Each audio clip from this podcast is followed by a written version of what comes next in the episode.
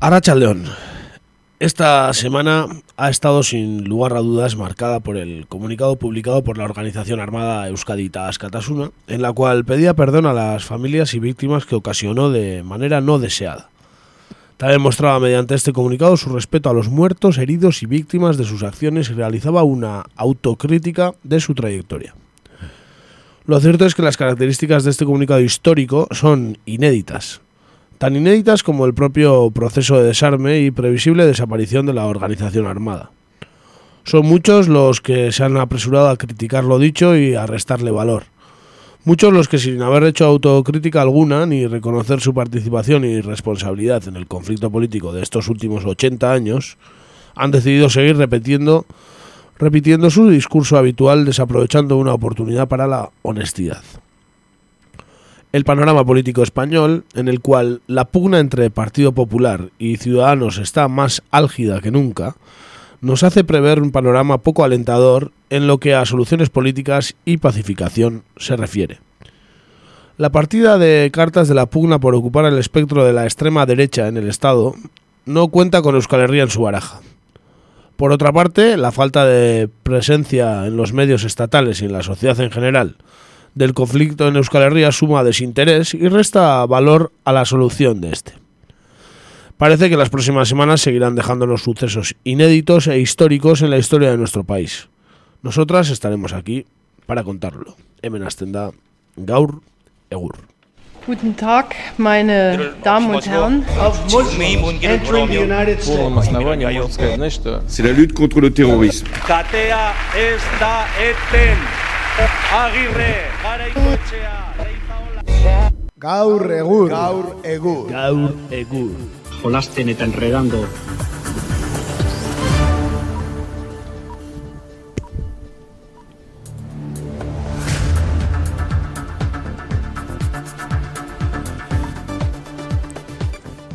Arratxaldeon entzule hemen gaude zuzen zuzenean zortzirak eta bi minutu diren honetan gaurkoan puntual arazo teknikori gabe, bertan horrela lujo bat da, eh, lanera etortzea.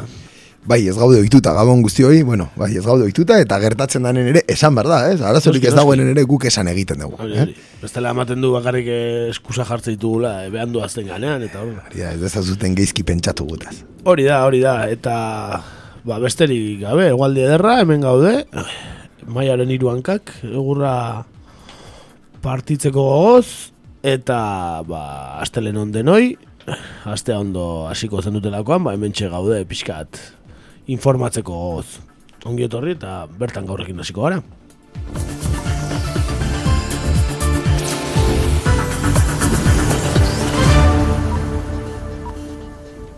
Bertan gaur.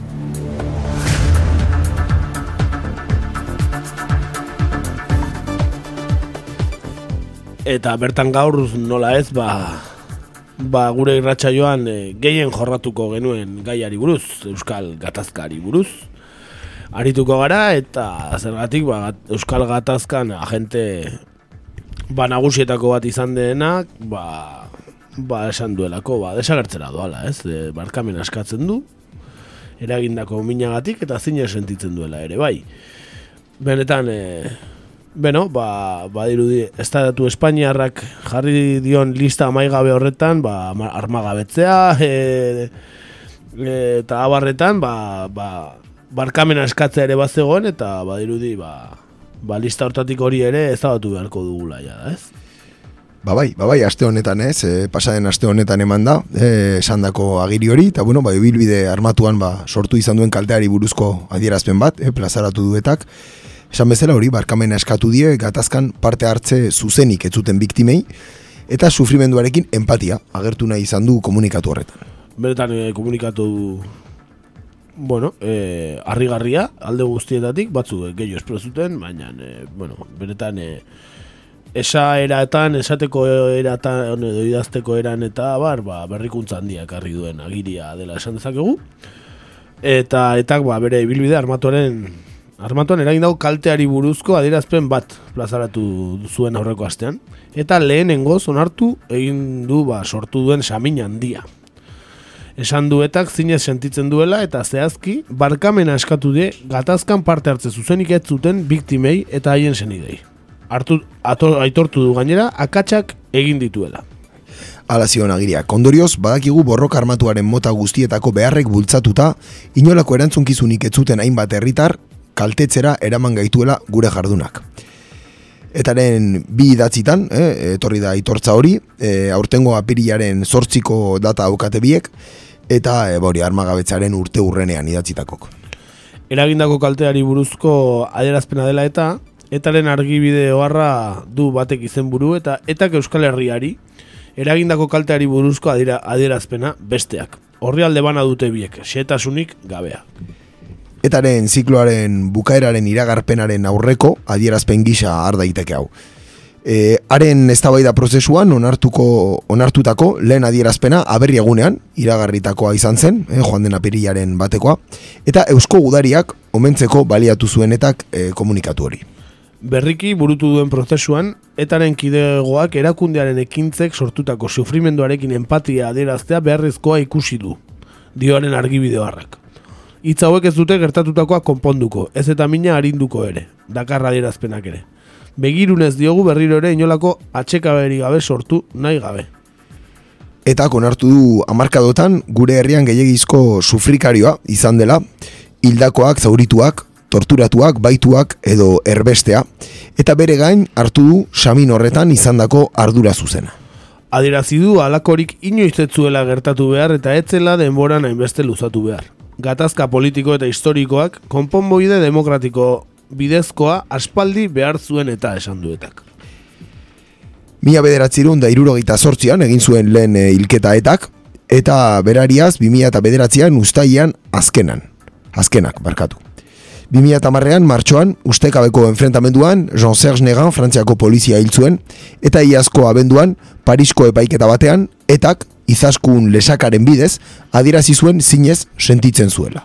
Espainiako barne ministerioaren arabera, etak eta beste euskal talde armatuek zortzireun da berrogeta mairu lagun hil dituzte. Jarlaritzaren arabera, e- etak haren bi adarrek zazpireun da irurogeita mar hil ditu. Etak agirian azaldu du errespetua dila denei eta bestelako biktimei.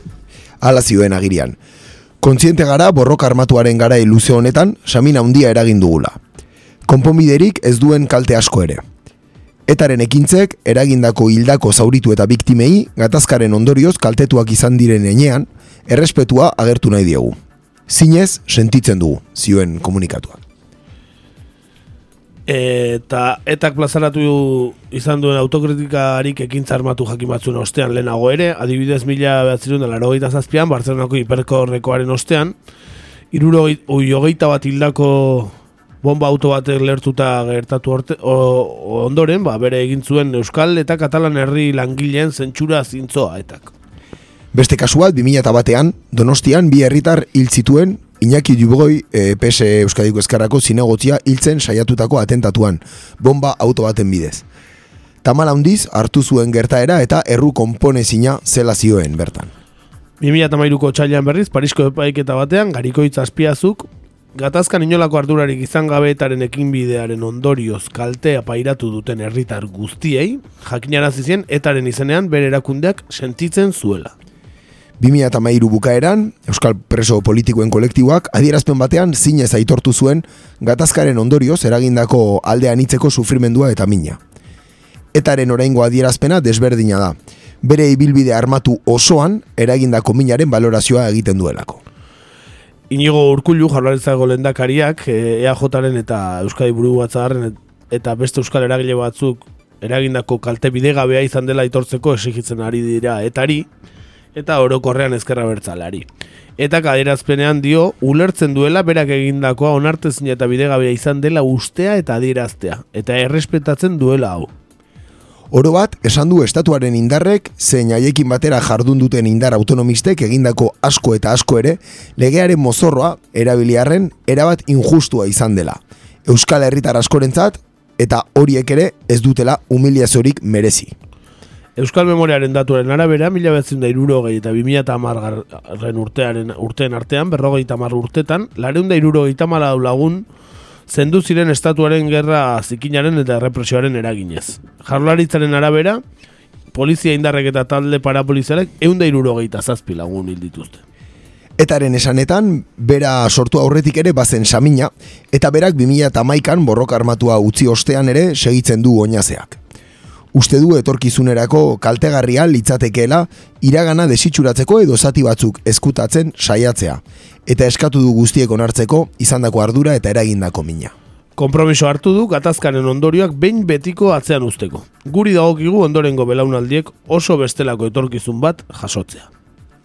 Egia osoaren alde eginez, berraski, berkatu, berradizkidetzea aldarrikatu du eta alaber gatazka politikoari konponbide demokratikoa emateko eskatu du. Euskal Herrian bakea eraiki eta eskatasuna lortu halko bai dira. Bueno, ba hor onainokoak e, etaren agiri honek utzitakoak e, bueno, e, benetan esan daiteke beste bideo bat hartu duela orantxe bertan etaren agirietan ba, behin erentzun gabeko gauzak edo irakurrik gabeko gauzak aurkitu ditugulako, ez da? Bai, duari gabe ez, ez da, e, bueno, agiri bat, e, bueno, konbentzionala ez, etaren agirei erreparatzen badiagu, e, bueno, ba, bueno, iztegia berria da, ez, iztegia berria da, eta gauzak esateko modua ere.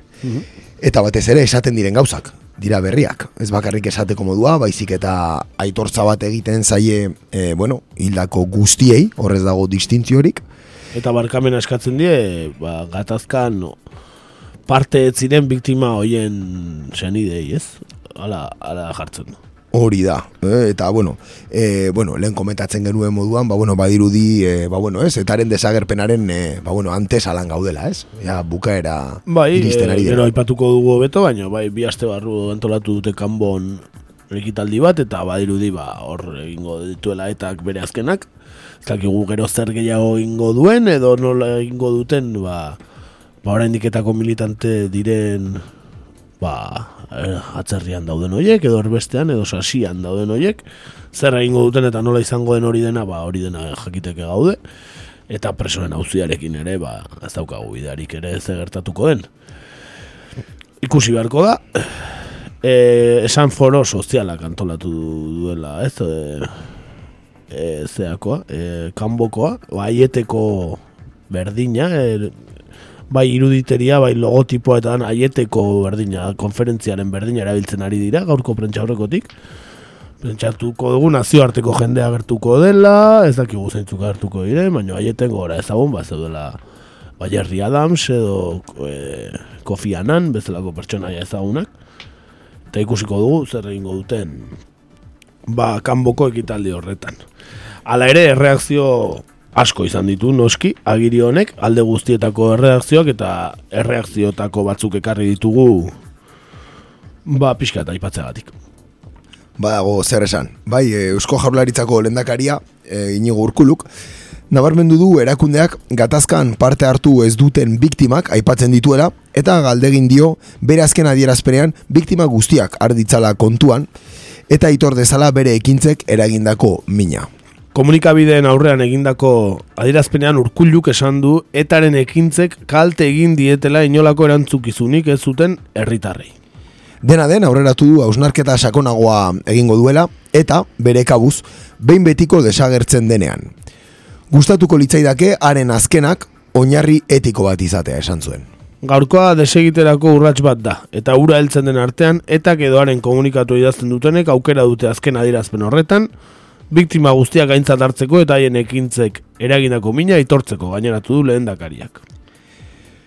Nafarroako gobernuko bozera maila ere, eh, eh, ba, bueno, agertu zen bere adierazpenak egitea, Maria Solana, eta eh, nabarmendu zuen gaurkoa egun garrantzitsua dela. Urte gehiegi dira Solanaren iritziz, Nafarroako gizarteak etaren hitzoiek eskatzen zituela.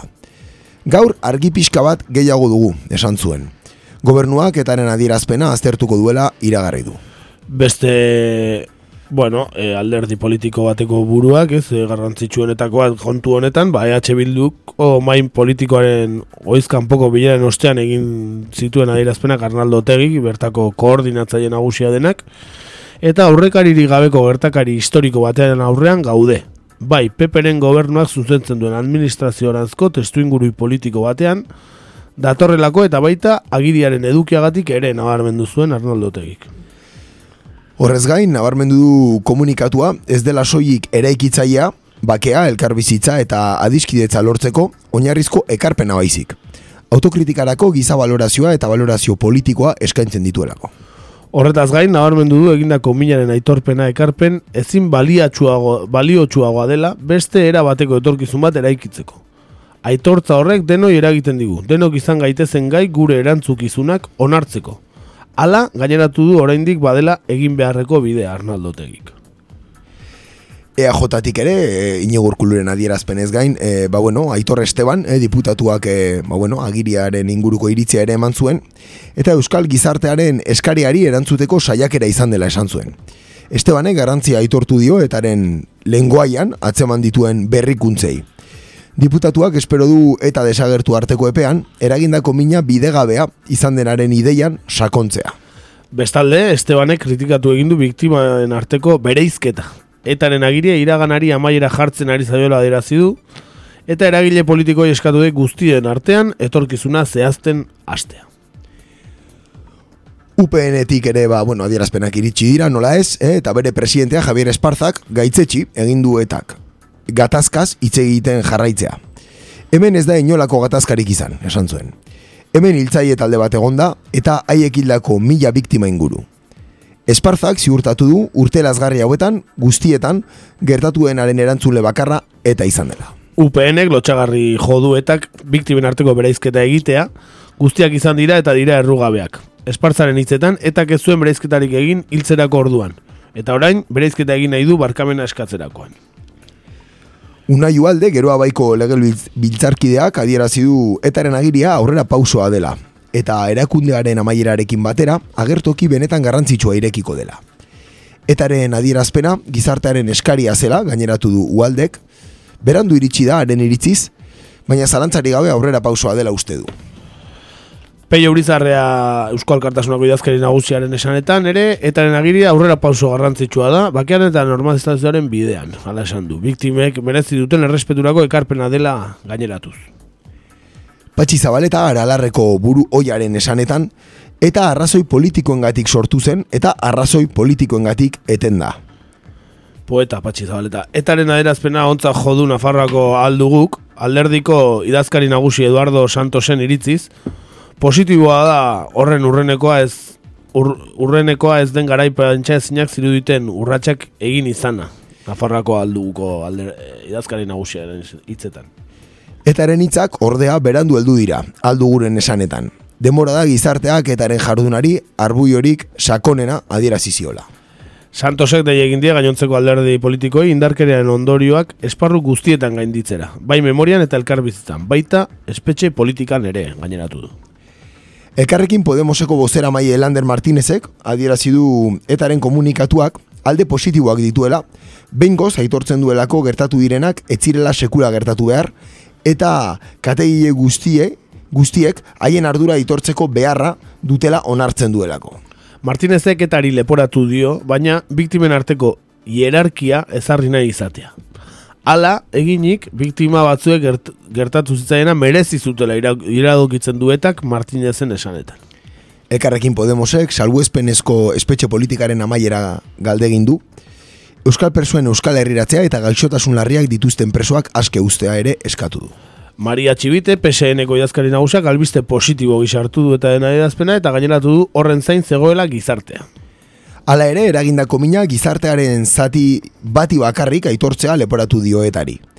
Mina Espainiako gizarte osoari egin diote. Txibitek ohartarazi du oraindik argitu gabeko hilketak daudela. PSEek berdiz, alderdi sozialista baino e, autonomi erkidegoan, e, ba, bertako lebeiltzarkide den eneko handu eza pozik agertu du albistarekin, konforme etaren agirearekin. Adirazi duenez, aurrera pasu oso garrantzitsua da biktimen protagonismoari lekua ematen zaiolako. Anduezak nabarmendu du pauso beharrezkoa eta ezinbestekoa zela e, publiko egin den etaren agiria. Jose Antonio Pastorrek ere, pesekoak gau ere, ba, andorezarekin bat etorri dau, eta albiste positiboa dela dira du berak ere. Aldiz, onartezina jodu bere jarduna justifikatzen saiatzea, eta honek UPNek dioen bezala, katazka baten existentzian oinarritzea ere, ba, gaitzetxe egin du. Ezkerrako legebiltzarkide Marisa e. Simonek garrantzia aitortu dioetaren adierazpenari, baina deitoratu egin du onartu ez izana erakundearen indarkeria ekintzak biktima guztientzat izan direla, bidegabeak salbuespenik gabe. E, Simonen esanetan, buz, e, ez Araba Bizkaia eta Gipuzkoako PPko presidente den Alfonso Alonsok, e, ba, etaren adierazpena bere jarduna justifikatzeko saiakera dela esan du eta biktimentzat humilagarria dela. Eta horiek mailakatu egiten dituela. Alonsok ziurtatu du etaren hitzek ez dutela berrikuntzarik eta ez dutela damurik agertzen. Gaitzetxe egin du alaber, etak bere burua behar historiko bat bezala aurkeztea. Erakundeak etorkizun politikoa erabaki nahi duela ohartarazi du Alonsok. Iparaldetik ere, Max Brisson, Le Republicans alderdiko senatariak airazi du, etaren agiriak sinesgarritasuna ematen diela Euskal Herrian bake prozesuena, alde engaiatu direnei. Gutxienez, barkamen eskaria eginda adierazi du. Hauziak, Espainian bere horretan jarraitzen duela dio Brissonek, oraindik baketzea ez delako eraiki. Espainiako gobernuak ere hitz egin du noski eta baikor hartu du etak eragindako minari buruz argitaratu duen agiria. Peperen gobernuaren esanetan ongi dago etak biktimei barkamena eskatzea. Biktimak haien memoria eta haien duintasuna erabakigarriak izan direlako etaren porrotean gaineratu dute Espainiar gobernutik. Honen iritziz, duela denbora asko eskatu behar zuen barkamena etak, era zintzo eta baldintzari gabean, bere ibilbidean eragin duen minaren gatik.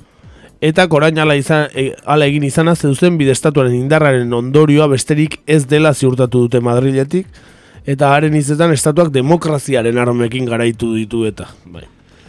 Amaitzeko Pedro Sánchez, PSOEko idazkari nagusiak, berriz, nabarmendu duetaren adierazpena behin betiko bakerako behar zen urrats handia dela. Biktimak eta haien senideak hartu ditu gogoan. Bide gogorra eta luzea izan da, adierazi du Pedro Sánchezek.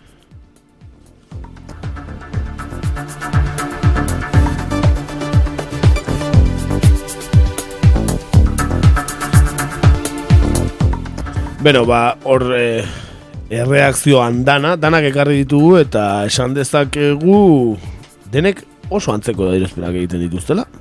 Ez dago alde handirik batzuk noski ba, erru gehiago botatzen diote, beste batzuk dana oso positiboa ikusi dute, adibidez EH Bildutik edo EH Bildu osatzen duten koalizioko alderdietatik eta e, baina, beno, e, alderdi popularretikan ere ondo hartutako mezua izan da al, aspaldiko bat, ez esan ezagun, edo ez dakit noiz bai gertatu den.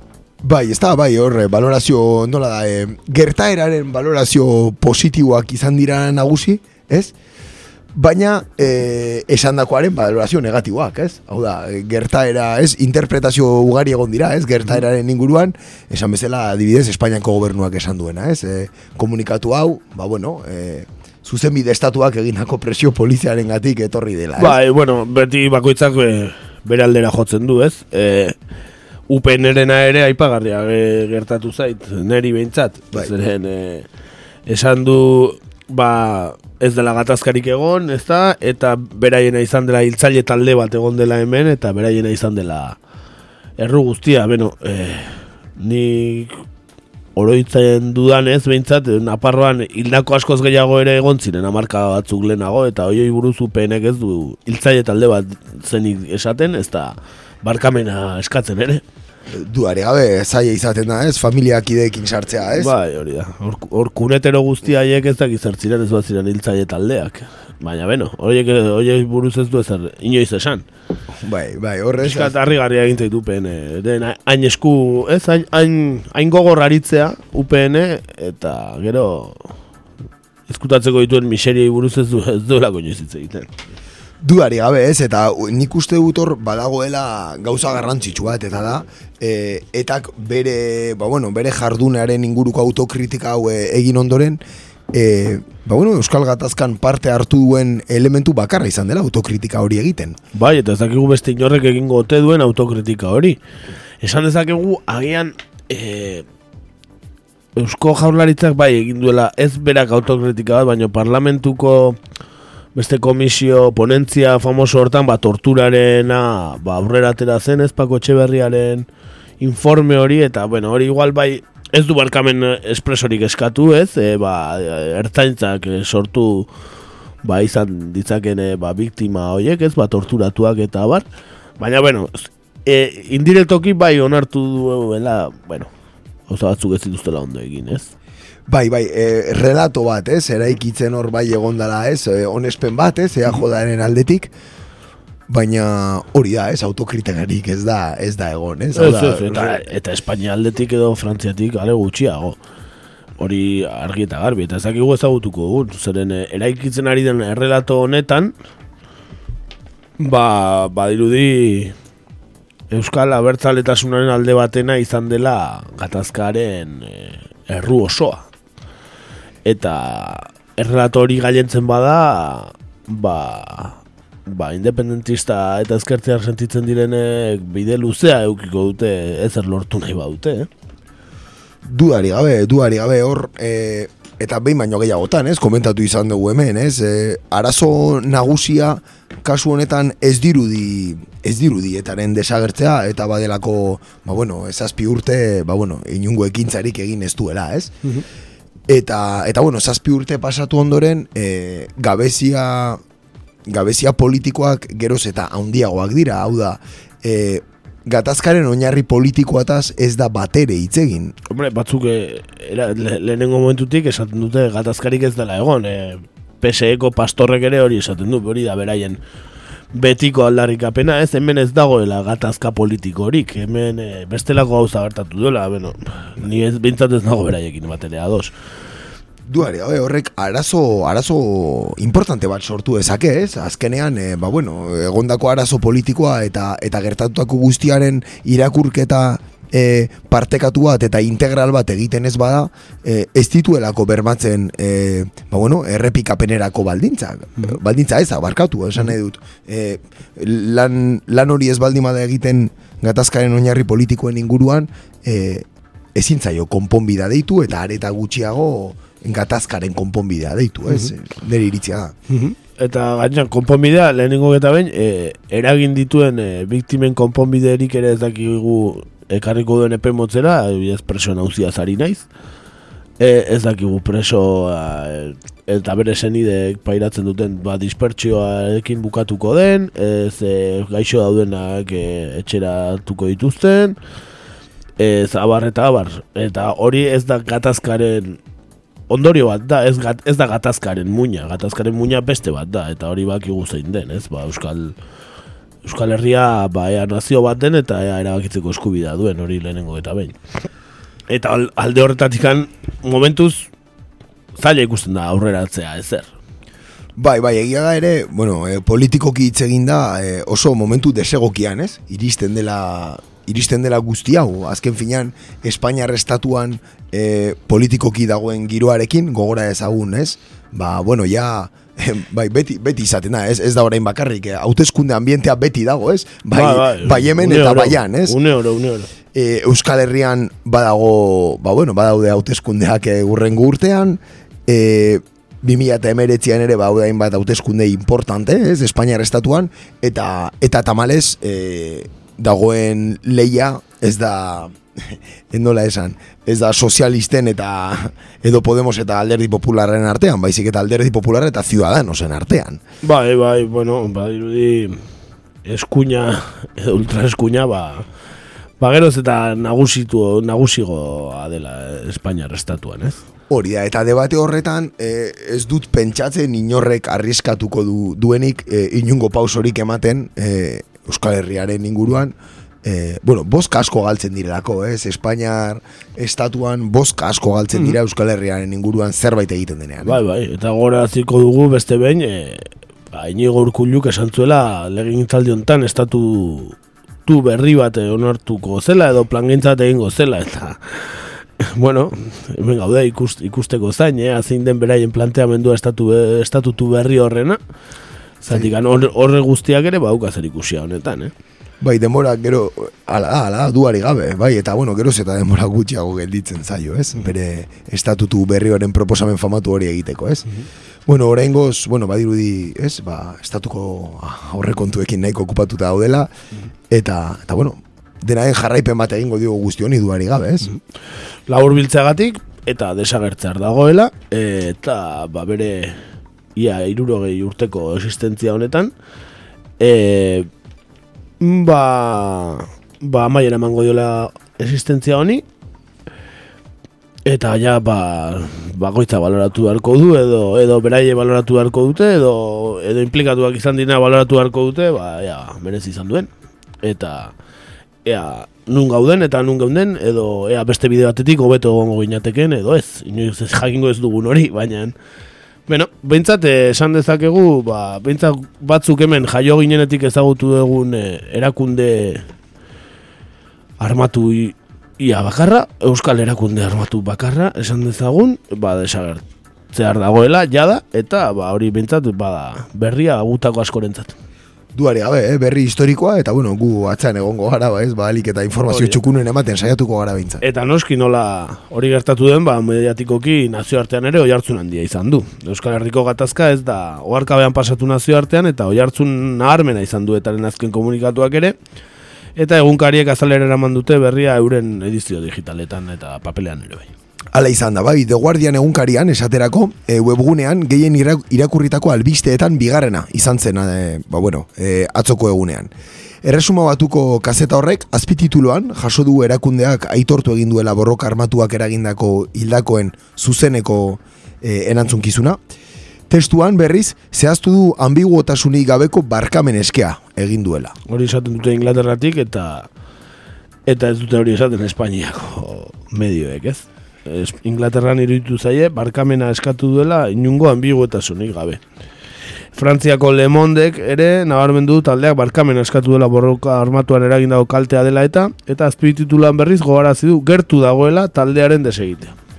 Bai, antzeko titulua eman dio Liberazion egunkariak ere, e, erakundeak barkamena eskatu duela dio, eta Euskal Herriaren independentziaren alde hasitako borroka armatuan eragindako biktimei egin diela eskaera. Mina handia eta konponezinezko kaltea eragin dugu, gure errespetua adierazi nahi diegu, etaren ekintzetan eragindako hildako zauritu eta biktimei publikatu zuen Liberazion, ba bueno, e, agiriaren zati bat publikatuz. BBZek Europako albisten atalean jaso duetaren agiria eta Espainiako gatazkan izandako rolagatik barkamena eskatu duetak e, nabarmendu du BBZek. Horrek ere nabarmendu du taldeak desegitea iragartzeko egunak geratzen direla heldu dela komunikatu hau eta bertan barkamena eskatu dela gatazkan zuzeneko parte hartzea izan dutenei. Habase esan du BBZek. e, hiru etakideren irudiekin ilustratu du albistea The Washington Post egunkariak eta tituloan berriz barkamen eskaria jaso du. Albiste barruan, kazetak zehaztu du erakunde ura desegitearekin amaituko dela. Europako azken gatazka armatua, hala esaten zuen. Aldi berean gogora ekarri du etak iazko apirilean agintarien esku utzi zituela bere armak 2008an borroka armatua amaitutzat eman ostean. Ba horixe Europ, ba mundu mailan e, ba nazioartean e, ba garrantzitsuena edo bueno, ospe handiko ba komunikabideek aipatu dutena, ba, ba denek izan dute, denetan izan du jartzuna etaren agiri honek, esan bezala historikoa baita eta ba agian azkenetako aldia izango da etaren albiste bat nazioartean agertuko dena. Bai, segurazki ez, ba, bueno, ez, laiste retorriko den e, ekitaldi horren, ez, ondorengo, ba, bueno, erantzu, e, bueno, ba, oi hartzuna, ez, jasoko da ere, eta pentsatzen dut horra maituko dela, ez, ez da, Bai. askoz gehiago egongo teoria meintzat. Teoria ez du ematen. Eta ba hori guazen eh, zehaztera, ba datorren ostiralean, azken hontan ez urrengoan, ma, ma- maiatzaren lauean egingo den ba ba gertakizun hori edo ez dakit nola deitu zer egingo duten ere ez bai dakigu oraindik, baina gaur pixkat azaldu dute bak eh, ba forotik ez aiete antolatu zuen berdinetik eta bake justu eta iraunkurra erdiestea posible dela sinetxi zutela 2011an aieten esan dute gaur eta orduz geroztik bakea aurrera egi, aurrera egin duela Euskal Herrian bakeak. Eta alderdien gizarte zilean eta abarren lanari esker oztopoi aurre eginez ez da erreza izan esan du anaiz funosasek gaur arratsaldean egin duten e, prentsa aurrekoan. Euskaldunek determinazioa dutela, esan dute, eta etorkizun motzean urrats gehiago emango direla uste du. Gatazkaren konponbidean aurrera egiteko asmoz, egingo dute nazioarteko ekimen berri hau. Esan bezala kanbon izango da maiatzaren lauean eta Euskal Herriko alderdi eragile eta gizarte zibila gonbidatu dute e, bertan parte hartzeko, bakearekiko gure konpromisoa berresteko ordua dela azalduz. Urrats berri eta esanguratsuak etorkizun hurbilan etorriko direla esan du Funosasek eta Kendalek frantsesez xetasun hau egin du. Urbila diodanean bere alakoa esan nahi dut. Gora Ez ezagun, ez? Etorkizun hurbilan bere, alak, bere alakoan zein e, urrats berri eta esanguratsu etorriko diren. Etaren desagertzea zari bada hori ja da badakigu. Bai, nahiko previsiblea da, ez? Eh, Beste, bueno, besteren bat gehiago izango ote da. Ez dakigu ba. Ez dakigu, bai, gogora ezagun Raymond Kendall hau eh, amabost urtez izan zela, ez? Interpoleko, ba, bueno, ez, eh, zuzendaria edo. Eta, bueno, ba, bake... Kontaktuak eukiko dituela. Hori da, bai, be, bake, ba, bueno, iniziatiba honetan ere murgilduta dagoela. Eta, bueno, ba, ikusi beharko, ez, bi aste falta dira, beraz, Pentsatzen bueno, dut datorren e, gaur egurran aipatuko dugula, zer gertatu zen, zeren, bueno, aurreratzen dizuet datorren astean ez degula egingo gaur egurrik. Eta, ba, honetan, ba, pentsatzen dut, ba, berriro gai honi helduko diogula, ez dakit oso ondo zer izango den, pentsatzen den nazioarteko jende esanguratsua etorriko dela, eta, ez dakit, eta esango dela, de, ez dela, mendik aurrera existituko, er- erakunde modura, edo, ez dakit. ez daiteke, edo, bueno, ba, bere, ez, ba, bueno, bere ekimenak gizarte zibilaren esku, ez, e, uzten duela, E, nik uste dut batez ere, ba, bueno, ez, ekitaldi honen inguruan eman daikegun informazioa batez ere setasunen inguruan etorriko dela, ez, nola antolatu den, zeintzuk joan diren, ze adierazpen konkretu egin diren, eta eta bueno, ba, beti, ez, erabili izan den espresio hori berriro, berriro hartuz, ba, pertsiana itxiko dela, ez? Ba, irudi. Bai, e, noski, ba, bestea egiten denean ba, ekintza hau, bueno, ba, kanbon antolatu duten nazioarteko eragileen ba, elkartze hau eta bar, ba, behin eta esan dezagun pertsiana iz- izten badu, ba, ba, pentsatzen den prioritatea jarriko dutela presoen egoeran, ez dakit, pentsat, pentsatzen nahi dut, hori izango dela, horri jarriko diotela prioridadea, ez? Bai, esan, bueno, gatazkaren ondorioen zerrenda horretan bada ez nabarmenena, ez presoen, presoen afera, eta ikusi beharko dugu, aber zer proposatzen dan, eta nola proposatzen dan. Ez dakit, urrats berri eta esanguratsuak dioenean kendalek, hortaz ari baldin bada, pentsatuk, pentsatzen dute izango dela, estatu frantziarraren pauso esanguratsu berri bat izango dela, ala baldin bada. Zeren Espainiar estatuko e, zoido ba- barne ministroak esan du ez dela, eta ez dela presoen e, egoeran aldaketarik egongo eta desagertuta ere. Ez, gainera, bueno, orain bi aste ez, kaleratu zen Espainiar administrazioak, bueno, eskatutako gradu aldaketak ere ukatu egin dituela, beraz, bueno, ez dirudi horri inongo borondaderik dagoenik, ez, alde horretatik. Ez, eta orain dio bi urte luze geratzen dira legebiltzar o lege, lege gintzaldi honetan, ez, estatu Espainiarrean, ez baldin badituzte aurreratzen behintzat, eta ez dakigu zein izango ondorengo gobernua, baina, bueno, ez dauka, aurre, ez da aurre ikusten aldaketarik egingo dutenik presoen auzian, baina, bueno, badakigu baz, beraien hitza jaten ere abila direla, orduan ez dakigu, ze kalkulo egingo duten, ze kalkulo politiko egingo duten, eta eta noraino konpondu nahiko duten presoen auzia, ni Espainiar estatuarekin ez batera optimista, egia esango ditut. Ez, arrazoi gutxi, ez, optimista izateko, ez, ez dago, bueno, ez dago, bueno, ez da ezer ikusten, ez, ez da ezer ikusten, eta eta berriro esatea, ez, ba, Espainian, ez, e, irmotasun horrek asko saltzen duela, ez, beti saldu izan du, eta eta orain ere, ba, ba bueno, e, asko saldu ezake, dena den, bueno, presoen hausiaz ere hitz egiten dugunean, e, parametro nahiko, nola esan, nahiko laburretaz ari gara, ez, batez ere, ba, gerturatzeaz, ez, sakabanaketaren amaiera hitz egiten dugu, eta eta hori ere ez dago argi, ez, sikiera hori ez dago argi, ez, hau da, Ba, gero hor dago bestea da, e, nola da, e, kartzelen eskumena e, transferitzea, ez? Estatutu honetan ja bazegoena, e, behintzat erkidego autonomoan, ez? Autonomia erkidegoan, eta berrogei urte eta gero oraindik eskumen hori ez da eman. Orduan, e, ez dakit agian urkuluren estatutu berrira itxoen beharko dugu, e, eskumen hori lortzeko, edo, edo agian hortan ere ez da aurrikusiko eskumen hori, edo... bai, pazientzia nagusi, eh, ikusten danez, bai, pazientzia ukitza komenigarria izango da. Bai, bai, batzuentzat erresa pazientzia dukitza, eh? Baina, bueno, Ba, horixe, berriz ere gatazka, eta ba, albiste historikoa, esango dugu, ba, eta barkamena eskatu duela. E, beretan, e, orain urte batzuk, e, zaila egingo zitzaiguna sinistea, baina, ba, arrela izan da, giri honek horixe esan du. Gauza gutxi gehiago esateko, e, abestitxo bat ekarri dugu, e, bertan gaurrekin amaitzeko eta ba, besterik gabe zer ikusirik ere etzuen abesti bat ekarri dugu iturria bakarlariaren abesti bada abesti polita eta eta alaia ba, bueno, alaitu gaitezen pixkat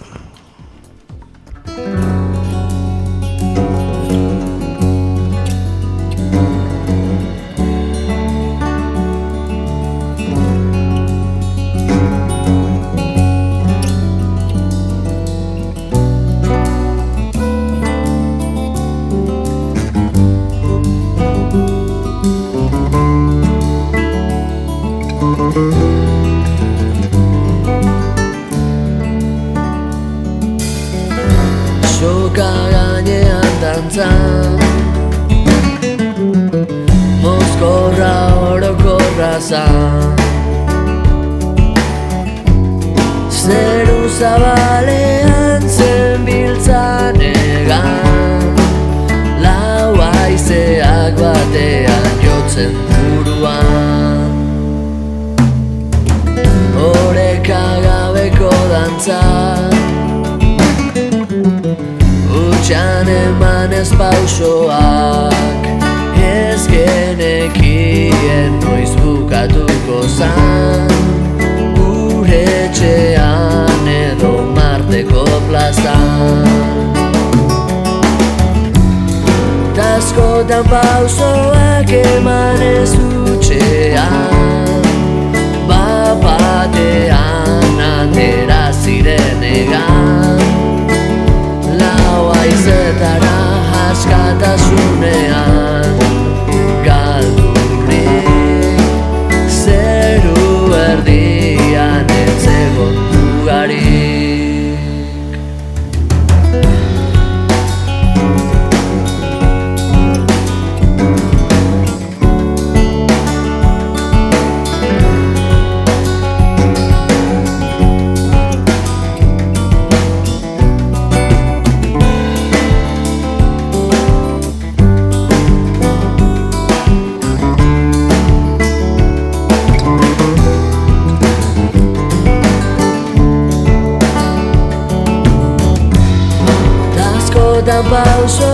pausoak eman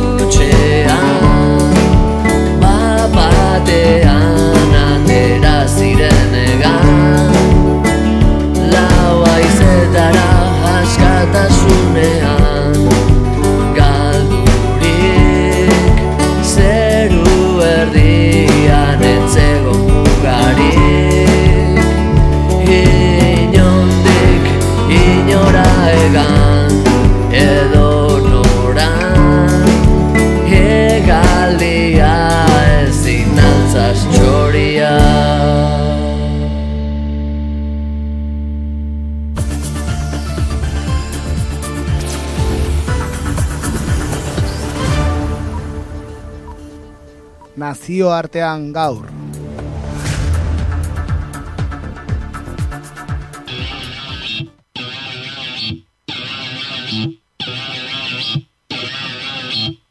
Uh, people come up.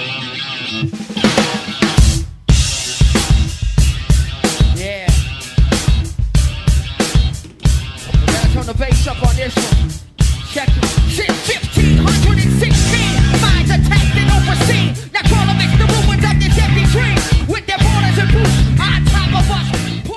Bueno, pues cambiamos de tercio, ¿no? Sí, con, tercio. con esta canción de Rage Against the Machine podría parecer que vamos a Estados Unidos, pero no vamos a Estados Unidos, aunque hablaremos de Estados Unidos como en casi todos los conflictos que se tercian por el mundo, ¿no? Efectivamente, ¿no? Vamos a lo que ha hecho Estados Unidos, ¿no? Nos pasa muchas veces, ¿no? Exactamente. Eh, no, Eh, sin quererlo muchas veces, bueno, en este caso no hay manera de obviar, ¿no? Estados Unidos, pero sí siempre acabamos hablando de, del imperio, ¿no? Eh, bueno, muchas veces solemos comentar en, en Gaur Egur que Oriente Próximo es el tablero de ajedrez, ¿no? En el cual las potencias mundiales, pues bueno, dirimen sus diferencias y sus relaciones de, fuerza. Eh, muchas veces también, pues bueno, eh, nos hemos acercado por este motivo a, lo que, a lo que allí ocurre, ya sea en Siria, en Kurdistán o en Palestina. Y en nuestra sección internacional de hoy, y 15 años después del inicio de la invasión de Irak, vamos a echar la mirada atrás para, para analizar las nefastas consecuencias eh, que aquella invasión dejó para este país, pero también para todo Oriente Próximo. También vamos a constatar que prácticamente nadie ha rendido cuentas por aquello.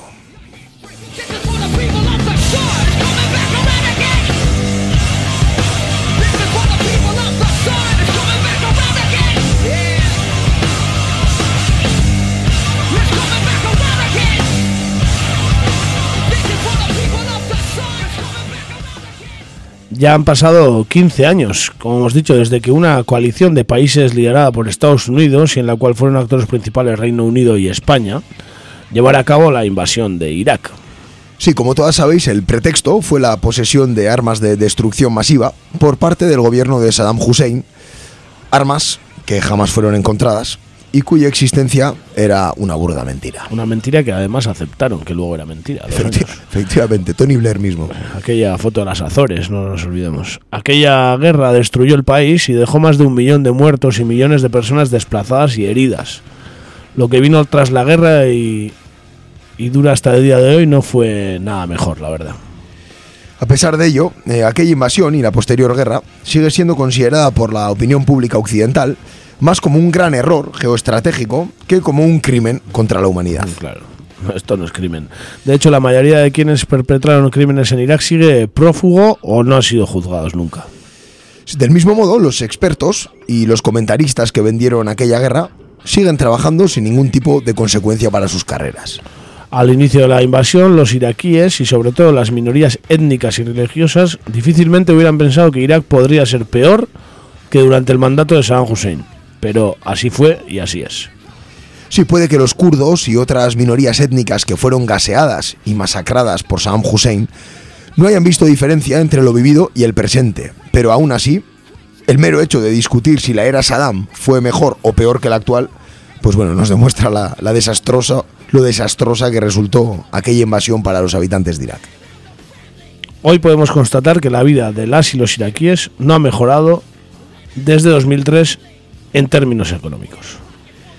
En lo que se refiere a derechos humanos, bueno, qué decir, los últimos 15 años han estado, pues bueno, teñidos de crímenes de guerra, tortura generalizada por parte de las fuerzas policiales y militares y abusos de todo tipo contra los derechos fundamentales de las personas.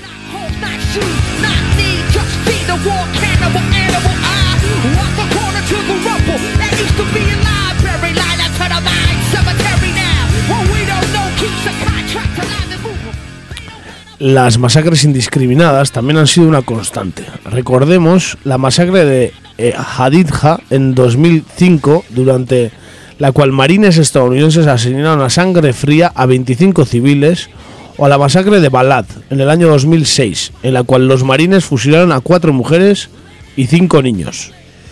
Sucesos como la violación de un adolescente de 14 años por parte de marines borrachos, también en el año 2006, en la ciudad de Mahmudilla, también han sido una constante.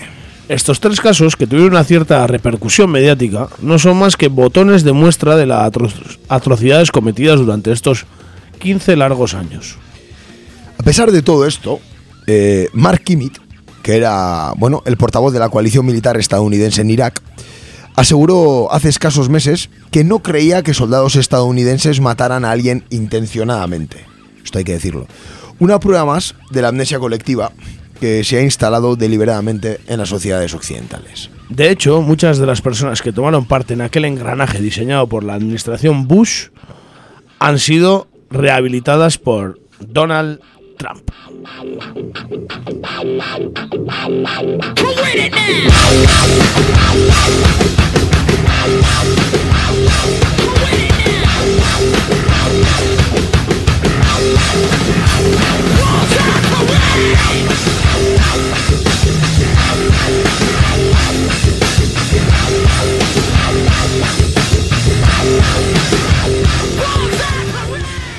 Por otra parte, eh, otros muchos de los que defendieron y gestionaron aquella guerra, pues ya no son vistos con tanto recelo por la sociedad estadounidense, por el mero hecho de haberse posicionado contra Donald Trump.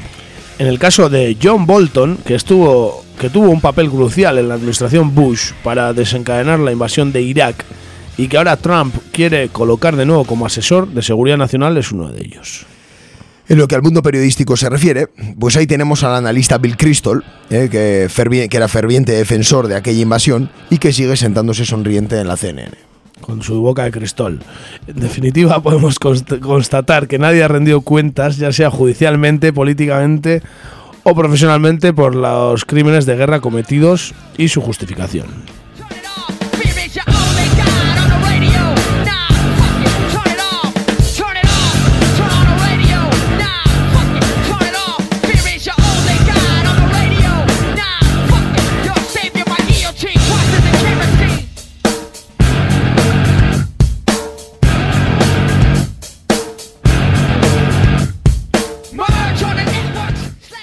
15 años después, tampoco podemos obviar al sector armamentístico estadounidense que se enriqueció sobremanera a cuenta de aquella guerra.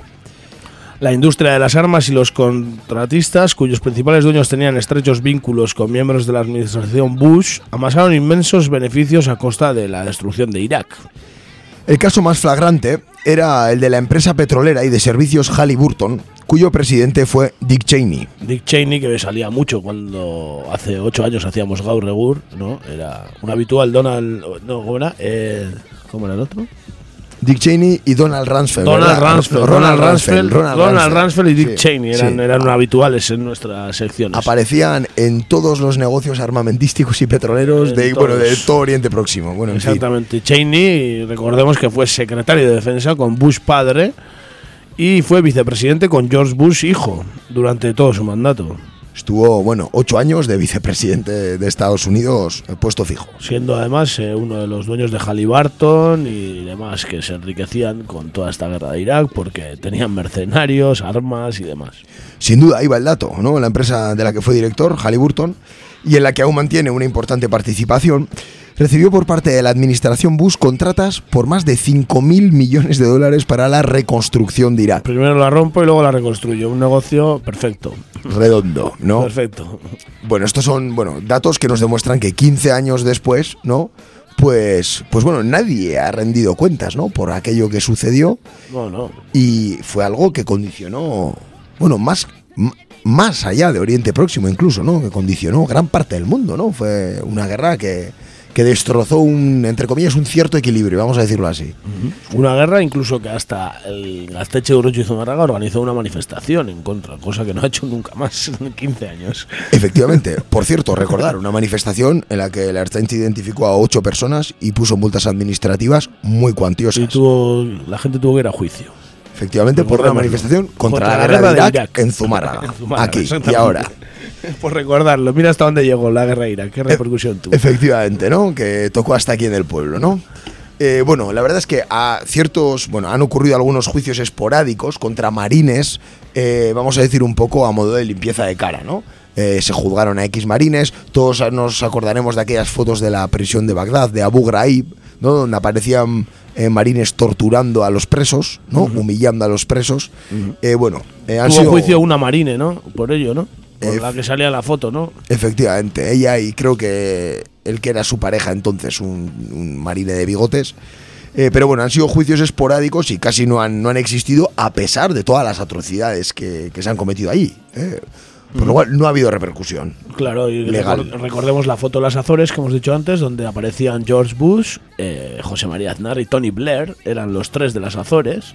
Invitados Eran- por Durao Barroso entonces, Durão ¿no? Que era Barroso. presidente de Portugal. Bueno, era un... Que vamos. luego acabó de ¿qué era? Del, Sí, pues el, el- Comisario europeo. Eso es, efectivamente. Eso sí, no, no, el, presidente de la Comisión Europea, ni más ni menos. Pues los criollos se juntan, ¿no? Eh, pues recordemos que son esos tres, George Bush, Tony Blair y, y José María Aznar, que firmaron ¿no? un documento de que iban a restablecer la democracia en, En Irak. en Irak y tal, ¿no? Tres, tres grandes demócratas, como hemos podido conocer con todas sus historias, Desde luego. y tres grandes demócratas que están retirados de la política, pero no de los consejos de administración y demás de empresas grandes. Ni mucho menos, ni de coloquios universitarios a 200.000 euros la hora, ¿no? Como en el caso de José María Aznar o Tony Blair. Eh, bueno, como comentábamos, eh, por decirlo de manera un poco brusca, George Bush sigue pintando cuadros y bailando en el programa de Ellen DeGeneres, el famoso programa ese donde invitan a, las personalidades de Estados Unidos. Es decir, no ha habido repercusión legal alguna por parte de las instancias internacionales. No, porque fue un héroe. Estuvo, ¿no? Derrocó a Saddam Hussein, que llevaban en Estados Unidos entre película- películas, videojuegos y demás 20 años como el enemigo público número uno del mundo. Toda la vida, salía hasta en Los Simpson. Sí, sí, en cualquier lado. Era el malo del malo malísimo era Saddam Hussein. Pues ¿quién lo derrocó? George W. Bush. ¿Quién Bush si no? fue y lo ahorcó. Claro, claro, y lo ahorcó allí. La ahorcaron allí como en la Edad Tuvo un, Media. juicio, eh, tuvo un juicio justo, ¿eh? Tuvo un juicio, tuvo un juicio justo, efectivamente. ¿no? justito. Justito, eso te iba a decir. sí, justo tuvo un juicio, justo.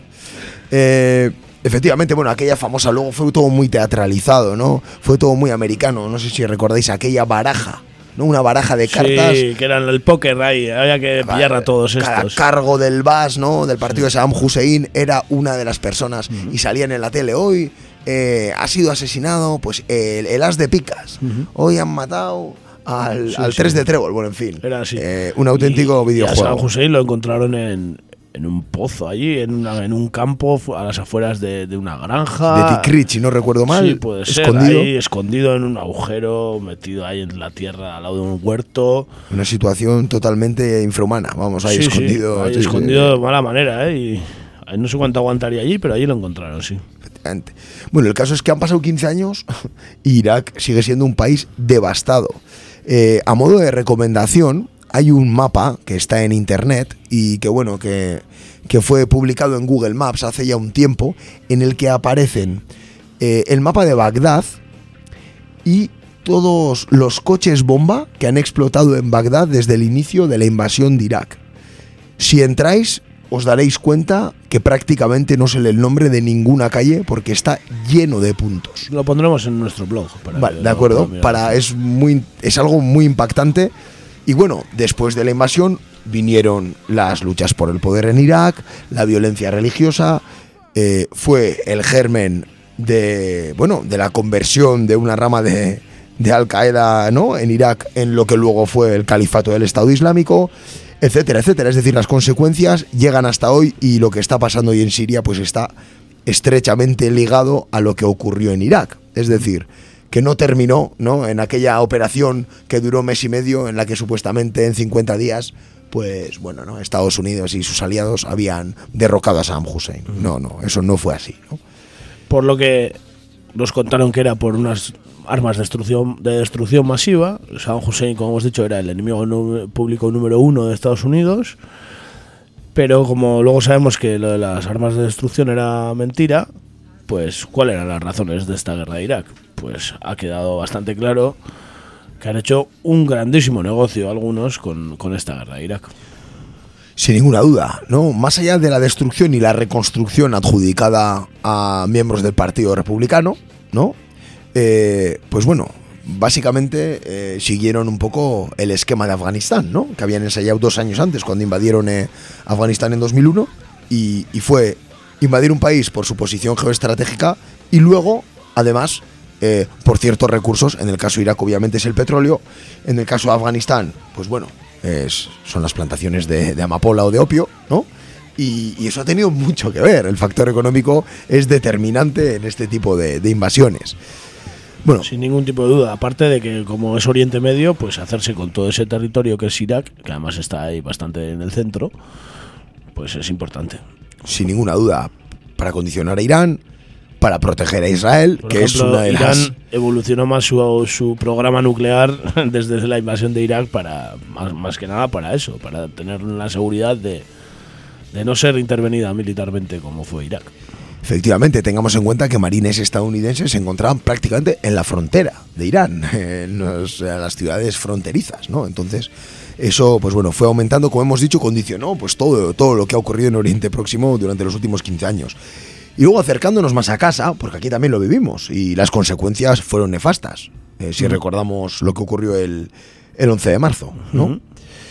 Eh, pues bueno, ahí están José María Aznar, ¿no? Y su gobierno, que jamás han sido acusados de nada, a pesar de haber, bueno, pruebas flagrantes de que, primero, mintieron a todo el mundo y, segundo, tomaron parte en una guerra que, que, bueno, Que en la que se que- cometieron crímenes contra la humanidad. que ni pinchaba ni cortaba, vamos. Quiero decir, Estados Unidos era aliado, pero demás países europeos también, que incluso hasta les podrían haber ayudado de manera de infraestructuras, ¿no? De bases militares y demás. Pero no, no, Estados Unidos, uy, España con Estados Unidos fue a firmar a, la- ¿no? a favor de la intervención de Irak, que, que- cosa que no hicieron casi ningún país, menos, menos Gran Bretaña, Estados Unidos y España, nadie más hizo eso. Por lo que hizo, hizo propia esa guerra, ¿no? El gobierno de Aznar. No, no fue ya un colaborador, sino que ya hizo propia esa guerra. Efectivamente, sí, sí, no, no fue un actor secundario, sino un actor principal, ¿no? En, en lo que, en lo que sucedió en Irak y también en lo que sucedió en Madrid el 11 de marzo, como ya, bueno, todos, todos sabemos, ¿no? Eh, hay No, una- Todos no, Germán Bueno, 3 y así todavía siguen, siguen con la teoría de la de conspiración. la conspiración, ¿no? Hay alguno que sigue pensando que, bueno, que fue ETA, eh, otros, no sé, acusaron casi a Napoleón, ¿no? De haber hecho lo de Madrid, no sé, se fueron para atrás en la Creo historia. eran los de Podemos. Eran- puede ser, puede ser. Que por cierto, también han sido acusados de organizar aquellas ¿no? Eh, protestas que ocurrieron, vamos a decir, espontáneamente, ¿no? Contra el gobierno Aznar el 11M. Sí, no a la guerra, que salió todo- todos los actores de España, no, no quedó ninguno en casa. No quedó ninguno. Quiero recordar que eh, una de las pancartas de esas manifestaciones y un lema que fue muy expandido fue no a la guerra, ETA no. Es cuando comes churros con vainas. Sí, es igual. decir, no hay una mezcla de conceptos que, bueno, eh, en fin, dejémoslo ahí, fue, es el pasado. Y bueno, hay una serie de nombres, por ejemplo, que seguramente a muchos de vosotros y vosotras os suenen. Está Federico Trillo, por ejemplo, que era ministro de Defensa. ¿Que está exiliado en Honduras? O... Viva Honduras, ya lo dijo aquel, ¿no? Viva Honduras, ¿eh? Federico Trillo, no sé exactamente en qué consejo de administración está actualmente. Luego sí ha tenido alguna repercusión por el famoso Jack 42, que, que venían de Irak también, ¿no? Aquellos o... Creo que de Turquía, pero bueno, Bueno, creo cayó que venían Turquía, pero bueno, eran militares que estaban en Irak, ¿no? Efectivamente, efectivamente, eh, cuyas familias fueron tratadas lamentablemente, bueno, familias Sí, sí. y fallecidos por el Ministerio claro, de los Defensa. cuerpos, en las cajas dos cuerpos diferentes, bueno, una, una cosa... Una auténtica chapuza, una más. una ¿eh? más, una- estilo, estilo Federico. Muy Federico Trillo. Eh, luego estaba Josep Piqué también, aquel ministro de Asuntos Exteriores de 2000 a 2002. Sí, que era portavoz del gobierno también. También, también fue portavoz del gobierno y bueno, son nombres que van cayendo en el olvido, ¿no? Que tuvieron una, un papel crucial, ¿no? En la guerra de Irak, pero que bueno, que ahí se han quedado, bueno, sin ninguna repercusión, ni judicial obviamente, ni política. No, no, están en sus consejitos de administración de grandes empresas. Seguro que son empresas mayormente o armamentísticas o petrolíferas por el negocio que harían en Irak. Los favores se devuelven. Exactamente. Y luego hay otra, Ana Palacio, que era ministra de Asuntos Exteriores entre 2002 y 2004. ¿Murió Ana Palacio? No. ¿O No sé si fue su hermana, Loyola de Palacio, que también fue ministra. Sí, no sé, yo también. Bueno, pues eso, ¿no? Nombres que van cayendo en el olvido de personas que tuvieron un papel determinante. Y cabe recordar que, como hemos comentado antes, en una entrevista, eh, Tony Blair, ¿no? A los años, ¿eh? Si no recuerdo, hace unos cuatro años o así, hizo cierta autocrítica, ¿no? De lo que ocurrió en Irak y admitió que fue un error y que las armas de destrucción masiva, pues, no existían y, ¿no? Que, bueno, fue el que abrió la caja de Pandora en ese aspecto, porque los demás no han hecho nunca una declaración sobre, sobre si sabían que no existían las armas de destrucción masiva o, en absoluto. o si les engañaron sus propios servicios secretos. En fin, ¿no? Eh, me acuerdo, bueno, Aznar en ningún momento ha hecho ninguna autocrítica de aquella invasión y, y menos George Bush, que como hemos dicho se dedica a pintar cuadros y a ir a programas de televisión. Siempre ha sido un, muy del pueblo. Muy del pueblo, sí, efectivamente. Eh, bueno, pues eso, 15 años de la invasión de Irak, Irak está como está, lo hemos comentado más de una vez en nuestro programa. Eh, bueno, ya seguirá con todo Oriente Próximo, pues vemos que el desastre de aquella intervención pues dura hasta hoy y, y va a durar bastante tiempo. Sí, Oriente Medio no tiene, no tiene pinta de solucionarse. ¿eh? No sé, no sé en cuánto, no sé, no sé si veremos alguna solución en el Oriente Medio alguna vez. No sé. No sé si esto empezó cuando estrenaron a los judíos de su tierra prometida o, o Sí, desde llevamos luego. así dos mil años o Sí. no sé cuándo empezó. O pero esto, eso, no es, eso es, ¿no? Es el, sí, sí, el huevo o la gallina, ¿no? No, no está muy claro. Pues bueno, esto es lo que, lo que teníamos para hoy. ¿eh? Irak, seguramente volveremos a hablar de Oriente Próximo. Vamos muy a menudo, ¿no? Que me atrevo a decir una de cada tres. Sí, por ahí, una de cada tres. Es, Una América, una África, una y un. Oriente Próximo. Es muy difícil escapar de la actualidad que ocurre ahí. Pero bueno, pues intentamos explicarlo lo mejor posible y, Y bueno, para, para terminar con esto, siempre tenemos una canción. Hoy, pues bueno, hemos tirado de clásicos y de algo que nos gusta. Vamos a poner una canción de, de Clash, ¿vale? Que se llama Justice Tonight. ¿m?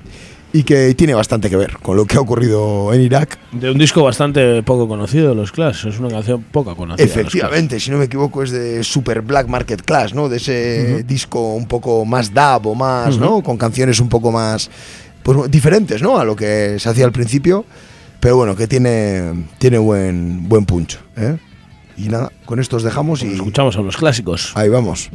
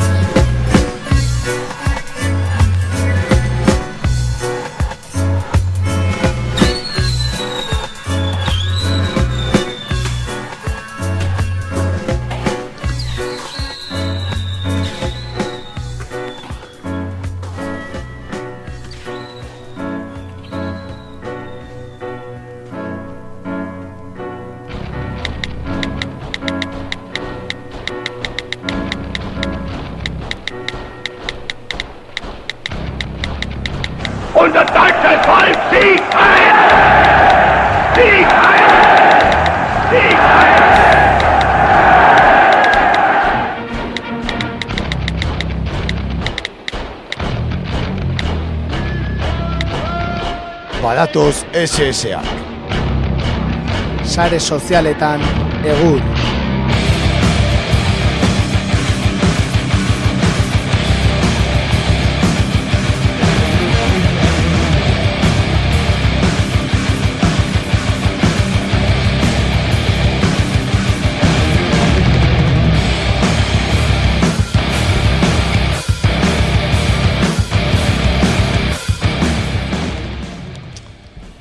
Sare sozialetan. A ber, zer dauke gazten da? Egur. Sare sozialetan. Bueno, si- sozialetan hasiko gara. Eta, bueno, lehen da izi, ba, Murtziara joako gara, bertan albiste bitxi bat aurkitu dugu. Qué- gaurkoan. qué bonita es Murcia. Murtzian. La, la- bat, la región más bonita. Bai.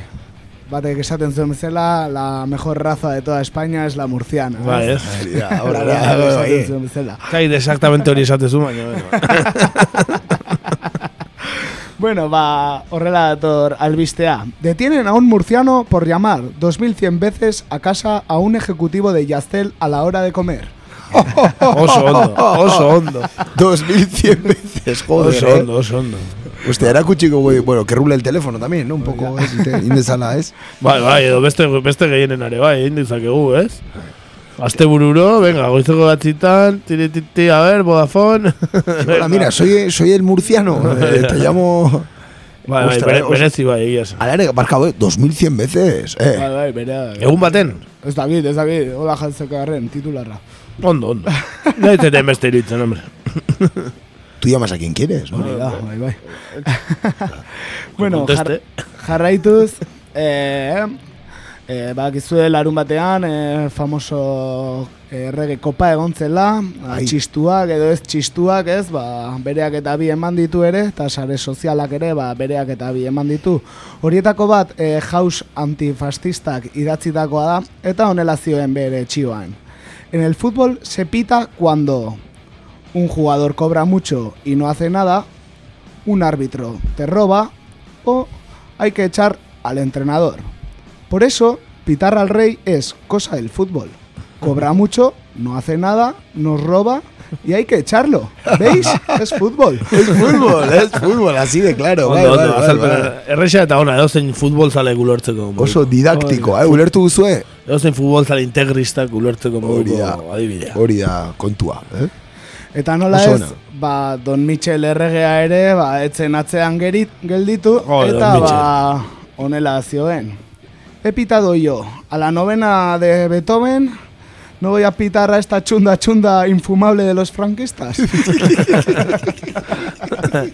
bai, bai, hori hilerik, eh? Hauan hilerik gabe biltzen da, eh? Da. Es que- eh? Hau bilori gabe. Musika gusto kontua ere bada, ez? O nola doa, hau, ez? Musika gusto kontu bat ere bada. Claro, claro, claro. Himno horrek, a ber, eh, gogoratu ezagun letera jartzea dignatuen pertsona bakara Marta Sánchez izan dela. Baina ze letra ona gainea, eh? Ona, eh? Joder, ona, ona, eh? Bikaina. Ojo, ona. eh? Ojo, eh? Ez Espainiako Espainiar armadaren fragatan egin zuen kontzertura bezain ona, Ez, hainbeste ez. baina bikaina, eh, letra. Han, han Espainiar Marilyn Monroe bihurtu zenan. Bai, bai, bai, bai, bai. Marta, bueno, en fin, Martita. bueno, ba, musikarekin jarraituz, beste zeresan bat eman duena asteburu honetan, ba, lokillo izan da. Hombre, ba, no? Eh, Ah, gehien Horbe, bat, de ba, klas talea, eh? hori de klas talea, klase derra daka horrek. Eh, Kiston klasea. Eh, aurpegian, klas, klas, klas txukuna. Kiston klasea, bai. eh, Klase alta, ba. Bai, Ba, desde luego, bat, ba, desde egin luego. zioten galdera, ba, zentsuragatik eta horrelako gauzengatik, eta ba, bere erantzuna, ba, me importa un pepino que un rapero entra a la cárcel izan zen. E, bere erantzunetako bat, eta ba, zer esana eman du ere, ba, Twitter. Beaz da sartuko ez kartzela. Eh, igual, igual, zera, barrio nuevo, olako bat daunen igual, bizitatzea. Onena quiero ser tu rock and roll star. Bueno, ba, hori, letra comprometitu eta hitz egiten ari gara ere. Ba, hombre, tipoa beti izan da oso komprometitua. Eh, hain da komprometitua nun, ba, egun hauetan ikusi izan da, ez? Albert Rivera ekin argazki ateratzen. Beti esan du, Albert Rivera presidente hona izango zala. Eta abar, eta abar, lokillo jauna, gogoratu ezagun lasarten bizi Euskal Herria. Bai, bai, bai, bai, hori da, bai, bai, lasarten bizi. Barcelona radan, eh, lasarten bizi lokillo, eh? bueno, eh, ba, hau aizte hobe zuen, eh? Kasu honetan ere, beste behin ere, bueno, ba. Bueno, beste unionista bat, eh, rockero unionista bat, eh? eh po- progretaz doana, ba, frankismoan, eh, zera, eh, hola, Oso tipo enrollatua, eh? rockero azalako, eta... Oso abesti honak ditu gero, eh? Bai, bai, lamate, ital, eta horrelako abestiak. Ba, oso, oso, ba, tipo, bai. Oso rockero ezkertiar sutxua, boietakoa. Ezkertiar sutxu zidoaneseko, ezkertiar sutxu boietako rockero abila. Gure lokillo, ea tupea noiz egin mozten du. Hala, eman diogu ere, eh? Hala, hala bere eman diogu, aurrera, eh? lagunok. Bate, baten erantzuna ere ona zen. Loquillo, coge tu Cadillac y tírate por un barranco, tío. Jendeak ere badaki zer esan, eh? Ona, ona, oso ona. Lokillo. Joder. Bueno, eta azken txio bezala, beste Don errege, erregearen txio bat, eta eh, honela dio, pues parece que todo es violencia salvo quizás la violación de la manada, que lleva cuatro meses discutiendo si fue una peli porno. Eta ba, honen arira esan ba gaur eh, duela gutxi atera dela, ba ostegunean izango dela eh, la manadaren aurkako ba sententzia, azken sententzia. Ea zer dioten. Bai. Horrez da. Ostegunean, bai, ez? ostegunean Ordu batetan, no? da, Ez bai, batetan, dutela, bai. ez? Horrez da izango terrorismoa, ez? Altxasuko egin bezala ez, horre izango da... Ikusiko dugu, ikusiko dugu zematen dieten. Bai, de hecho, Iruñako epaitegian epaitu zen, eta bueno, ba hortxe, ez? Bai. Ea, ea, ea, ze, ze zigor izaten duten, zigorri badute zaren, eh, zer gauza espero dezakegu hemen. Ea, eh, adi egongo gara horri ere. Ba, horrekin amaitzen du eh, sare sozialak, ba, nola, gaurkoan ba, erratxaio mamitsua zegoen, ba, pixka bat moztu egin dut, atala. Bai, nahikoa, nahikoa. nahikoa. Eh, por cierto, azken bat gehitu nahiko nuke gaur Twitterren bai. irakurritakoa. Bai, eh, gaur, eh, bueno, eh, atera da gogoratzen zate Bataklaneko atentatuetaz. Ah, bai, Parisen, bai. Da esek egindako, ez, ekintza horren inguruan. Bai, y el Shop Death Metalen kontzertu baren, ez? Hori da, bai, ba, e, atxilotutako bakarra, ze beste guztiak akatu edo imolatu egin ziren, bai, e, ba, bere sententzia gaur atera, da, Salah Abdeslamen e, sententzia, eta hogei urtera kondenatu dute Belgikan. Eta batek zioen Twitterren, jo, esta tenido suerte de no vivir en Alsasua. Bai, bai, dudari gabe. Duari gabe, duari gabe. Molenbergekoa zan, ez? Ba, bueno, Molenbeken atxilotu zuten behintzat, ez? O, bai, uste dut bera, e, nazionalidades frantsesa ala, baina bai, Molenbeken Ah. atxilotu zuten, no, bai. Bueno, en fin, ba, hori hogei urtera kondenatu dutela, eta eta hori esan dakoa, baltsasuko kasua, ba, bueno, hor, irureun da berrogeita mar urteko eskara fiskala dagoela. Baino, bate mate hautsi zion txorkatila, ez, ez? Ba, ez da, txorkatilik ez hautsi, orduan ezin da konpara. Ezin da konpara. Ez dago txorkatilik, Hombre, kontua txorkatila usta, da hori da lo más grave. Esp Espainiar dean, jurisprudentzian, a ver, hemen, grabe nada, txorkatila. Txorkatila ondo daukazu, eh, ba, tiroa jodote buren mano, txorkatila ondo dauka, eh? hori da. Txorkatiaren legea, txorkatiaren legea. Ez da terrorismoa. Beste gabe geitzearen, eh, lehen irakurri azken orduko izan da, eta horregatik. Oso ondo, ba, azkena bestia entzungo dugu, ez? Eta horren aurretik, ba, zuet danok agurtu, esan lehen aipatu dugu moduan, datorren astean, ez dugu erratxa horik egingo, ba, aurrengo gunean e, langileen eguna alako, eta ba, guk e, hausnartu eta indarrak hartu behar ditugu langile egunean e, gureak e, ba, dirazteko. Duari gabe, duari gabe, maiatzak bat, ez? Eta esan dakoa, ez gea urrengo astelenen entzungo, baina bueno, bi astelen barru hemen egongo gea, eta duari gabe eukiko dugu zertaz hitz egin. Bai, ziur baiet, ziur baiet, badirudi bai bertan gaurren egongo dela zertaz hitz egin, eta nazioartean ere beti daukagunez, eta bi aste ditugunez, basare sozialetan ere saiotuko gara biltzen eh, perlarik handienak. Hori da, ba azken abesti bezala, ba maiatzari bati lotuta, ba e, Holandatikan, ba Evil Conduct talde eskinjeta ekarri dugu. Oh, eh, Gurra. Ba Working Vale, vale. Class Euro abestiara dekin, ba, Vale, vale, kaskezu guztiari, ba, rapatu guztientzat, eh, zale asko ditugu, ez, eh, oi movimenduaren artean. Duari gabe, eta behaientzat, ba, bueno, abesti hau, eta eta maiatzan, maiatzaren bata ere, ba, ospatzeko gure modua. Eh? Hori da. Esan zarrenei ez dela oso makarra bestia, osea, que lasai Entzun entzuteko, dezaketela, hori da. Eh, Oraindik ez itzali irratia. Nure etxegaiz de matxin fondotan eukita gero, ja, ez da makarra. Eh, Duari gabe, duari gabe, ai, listo jo saltu zeon.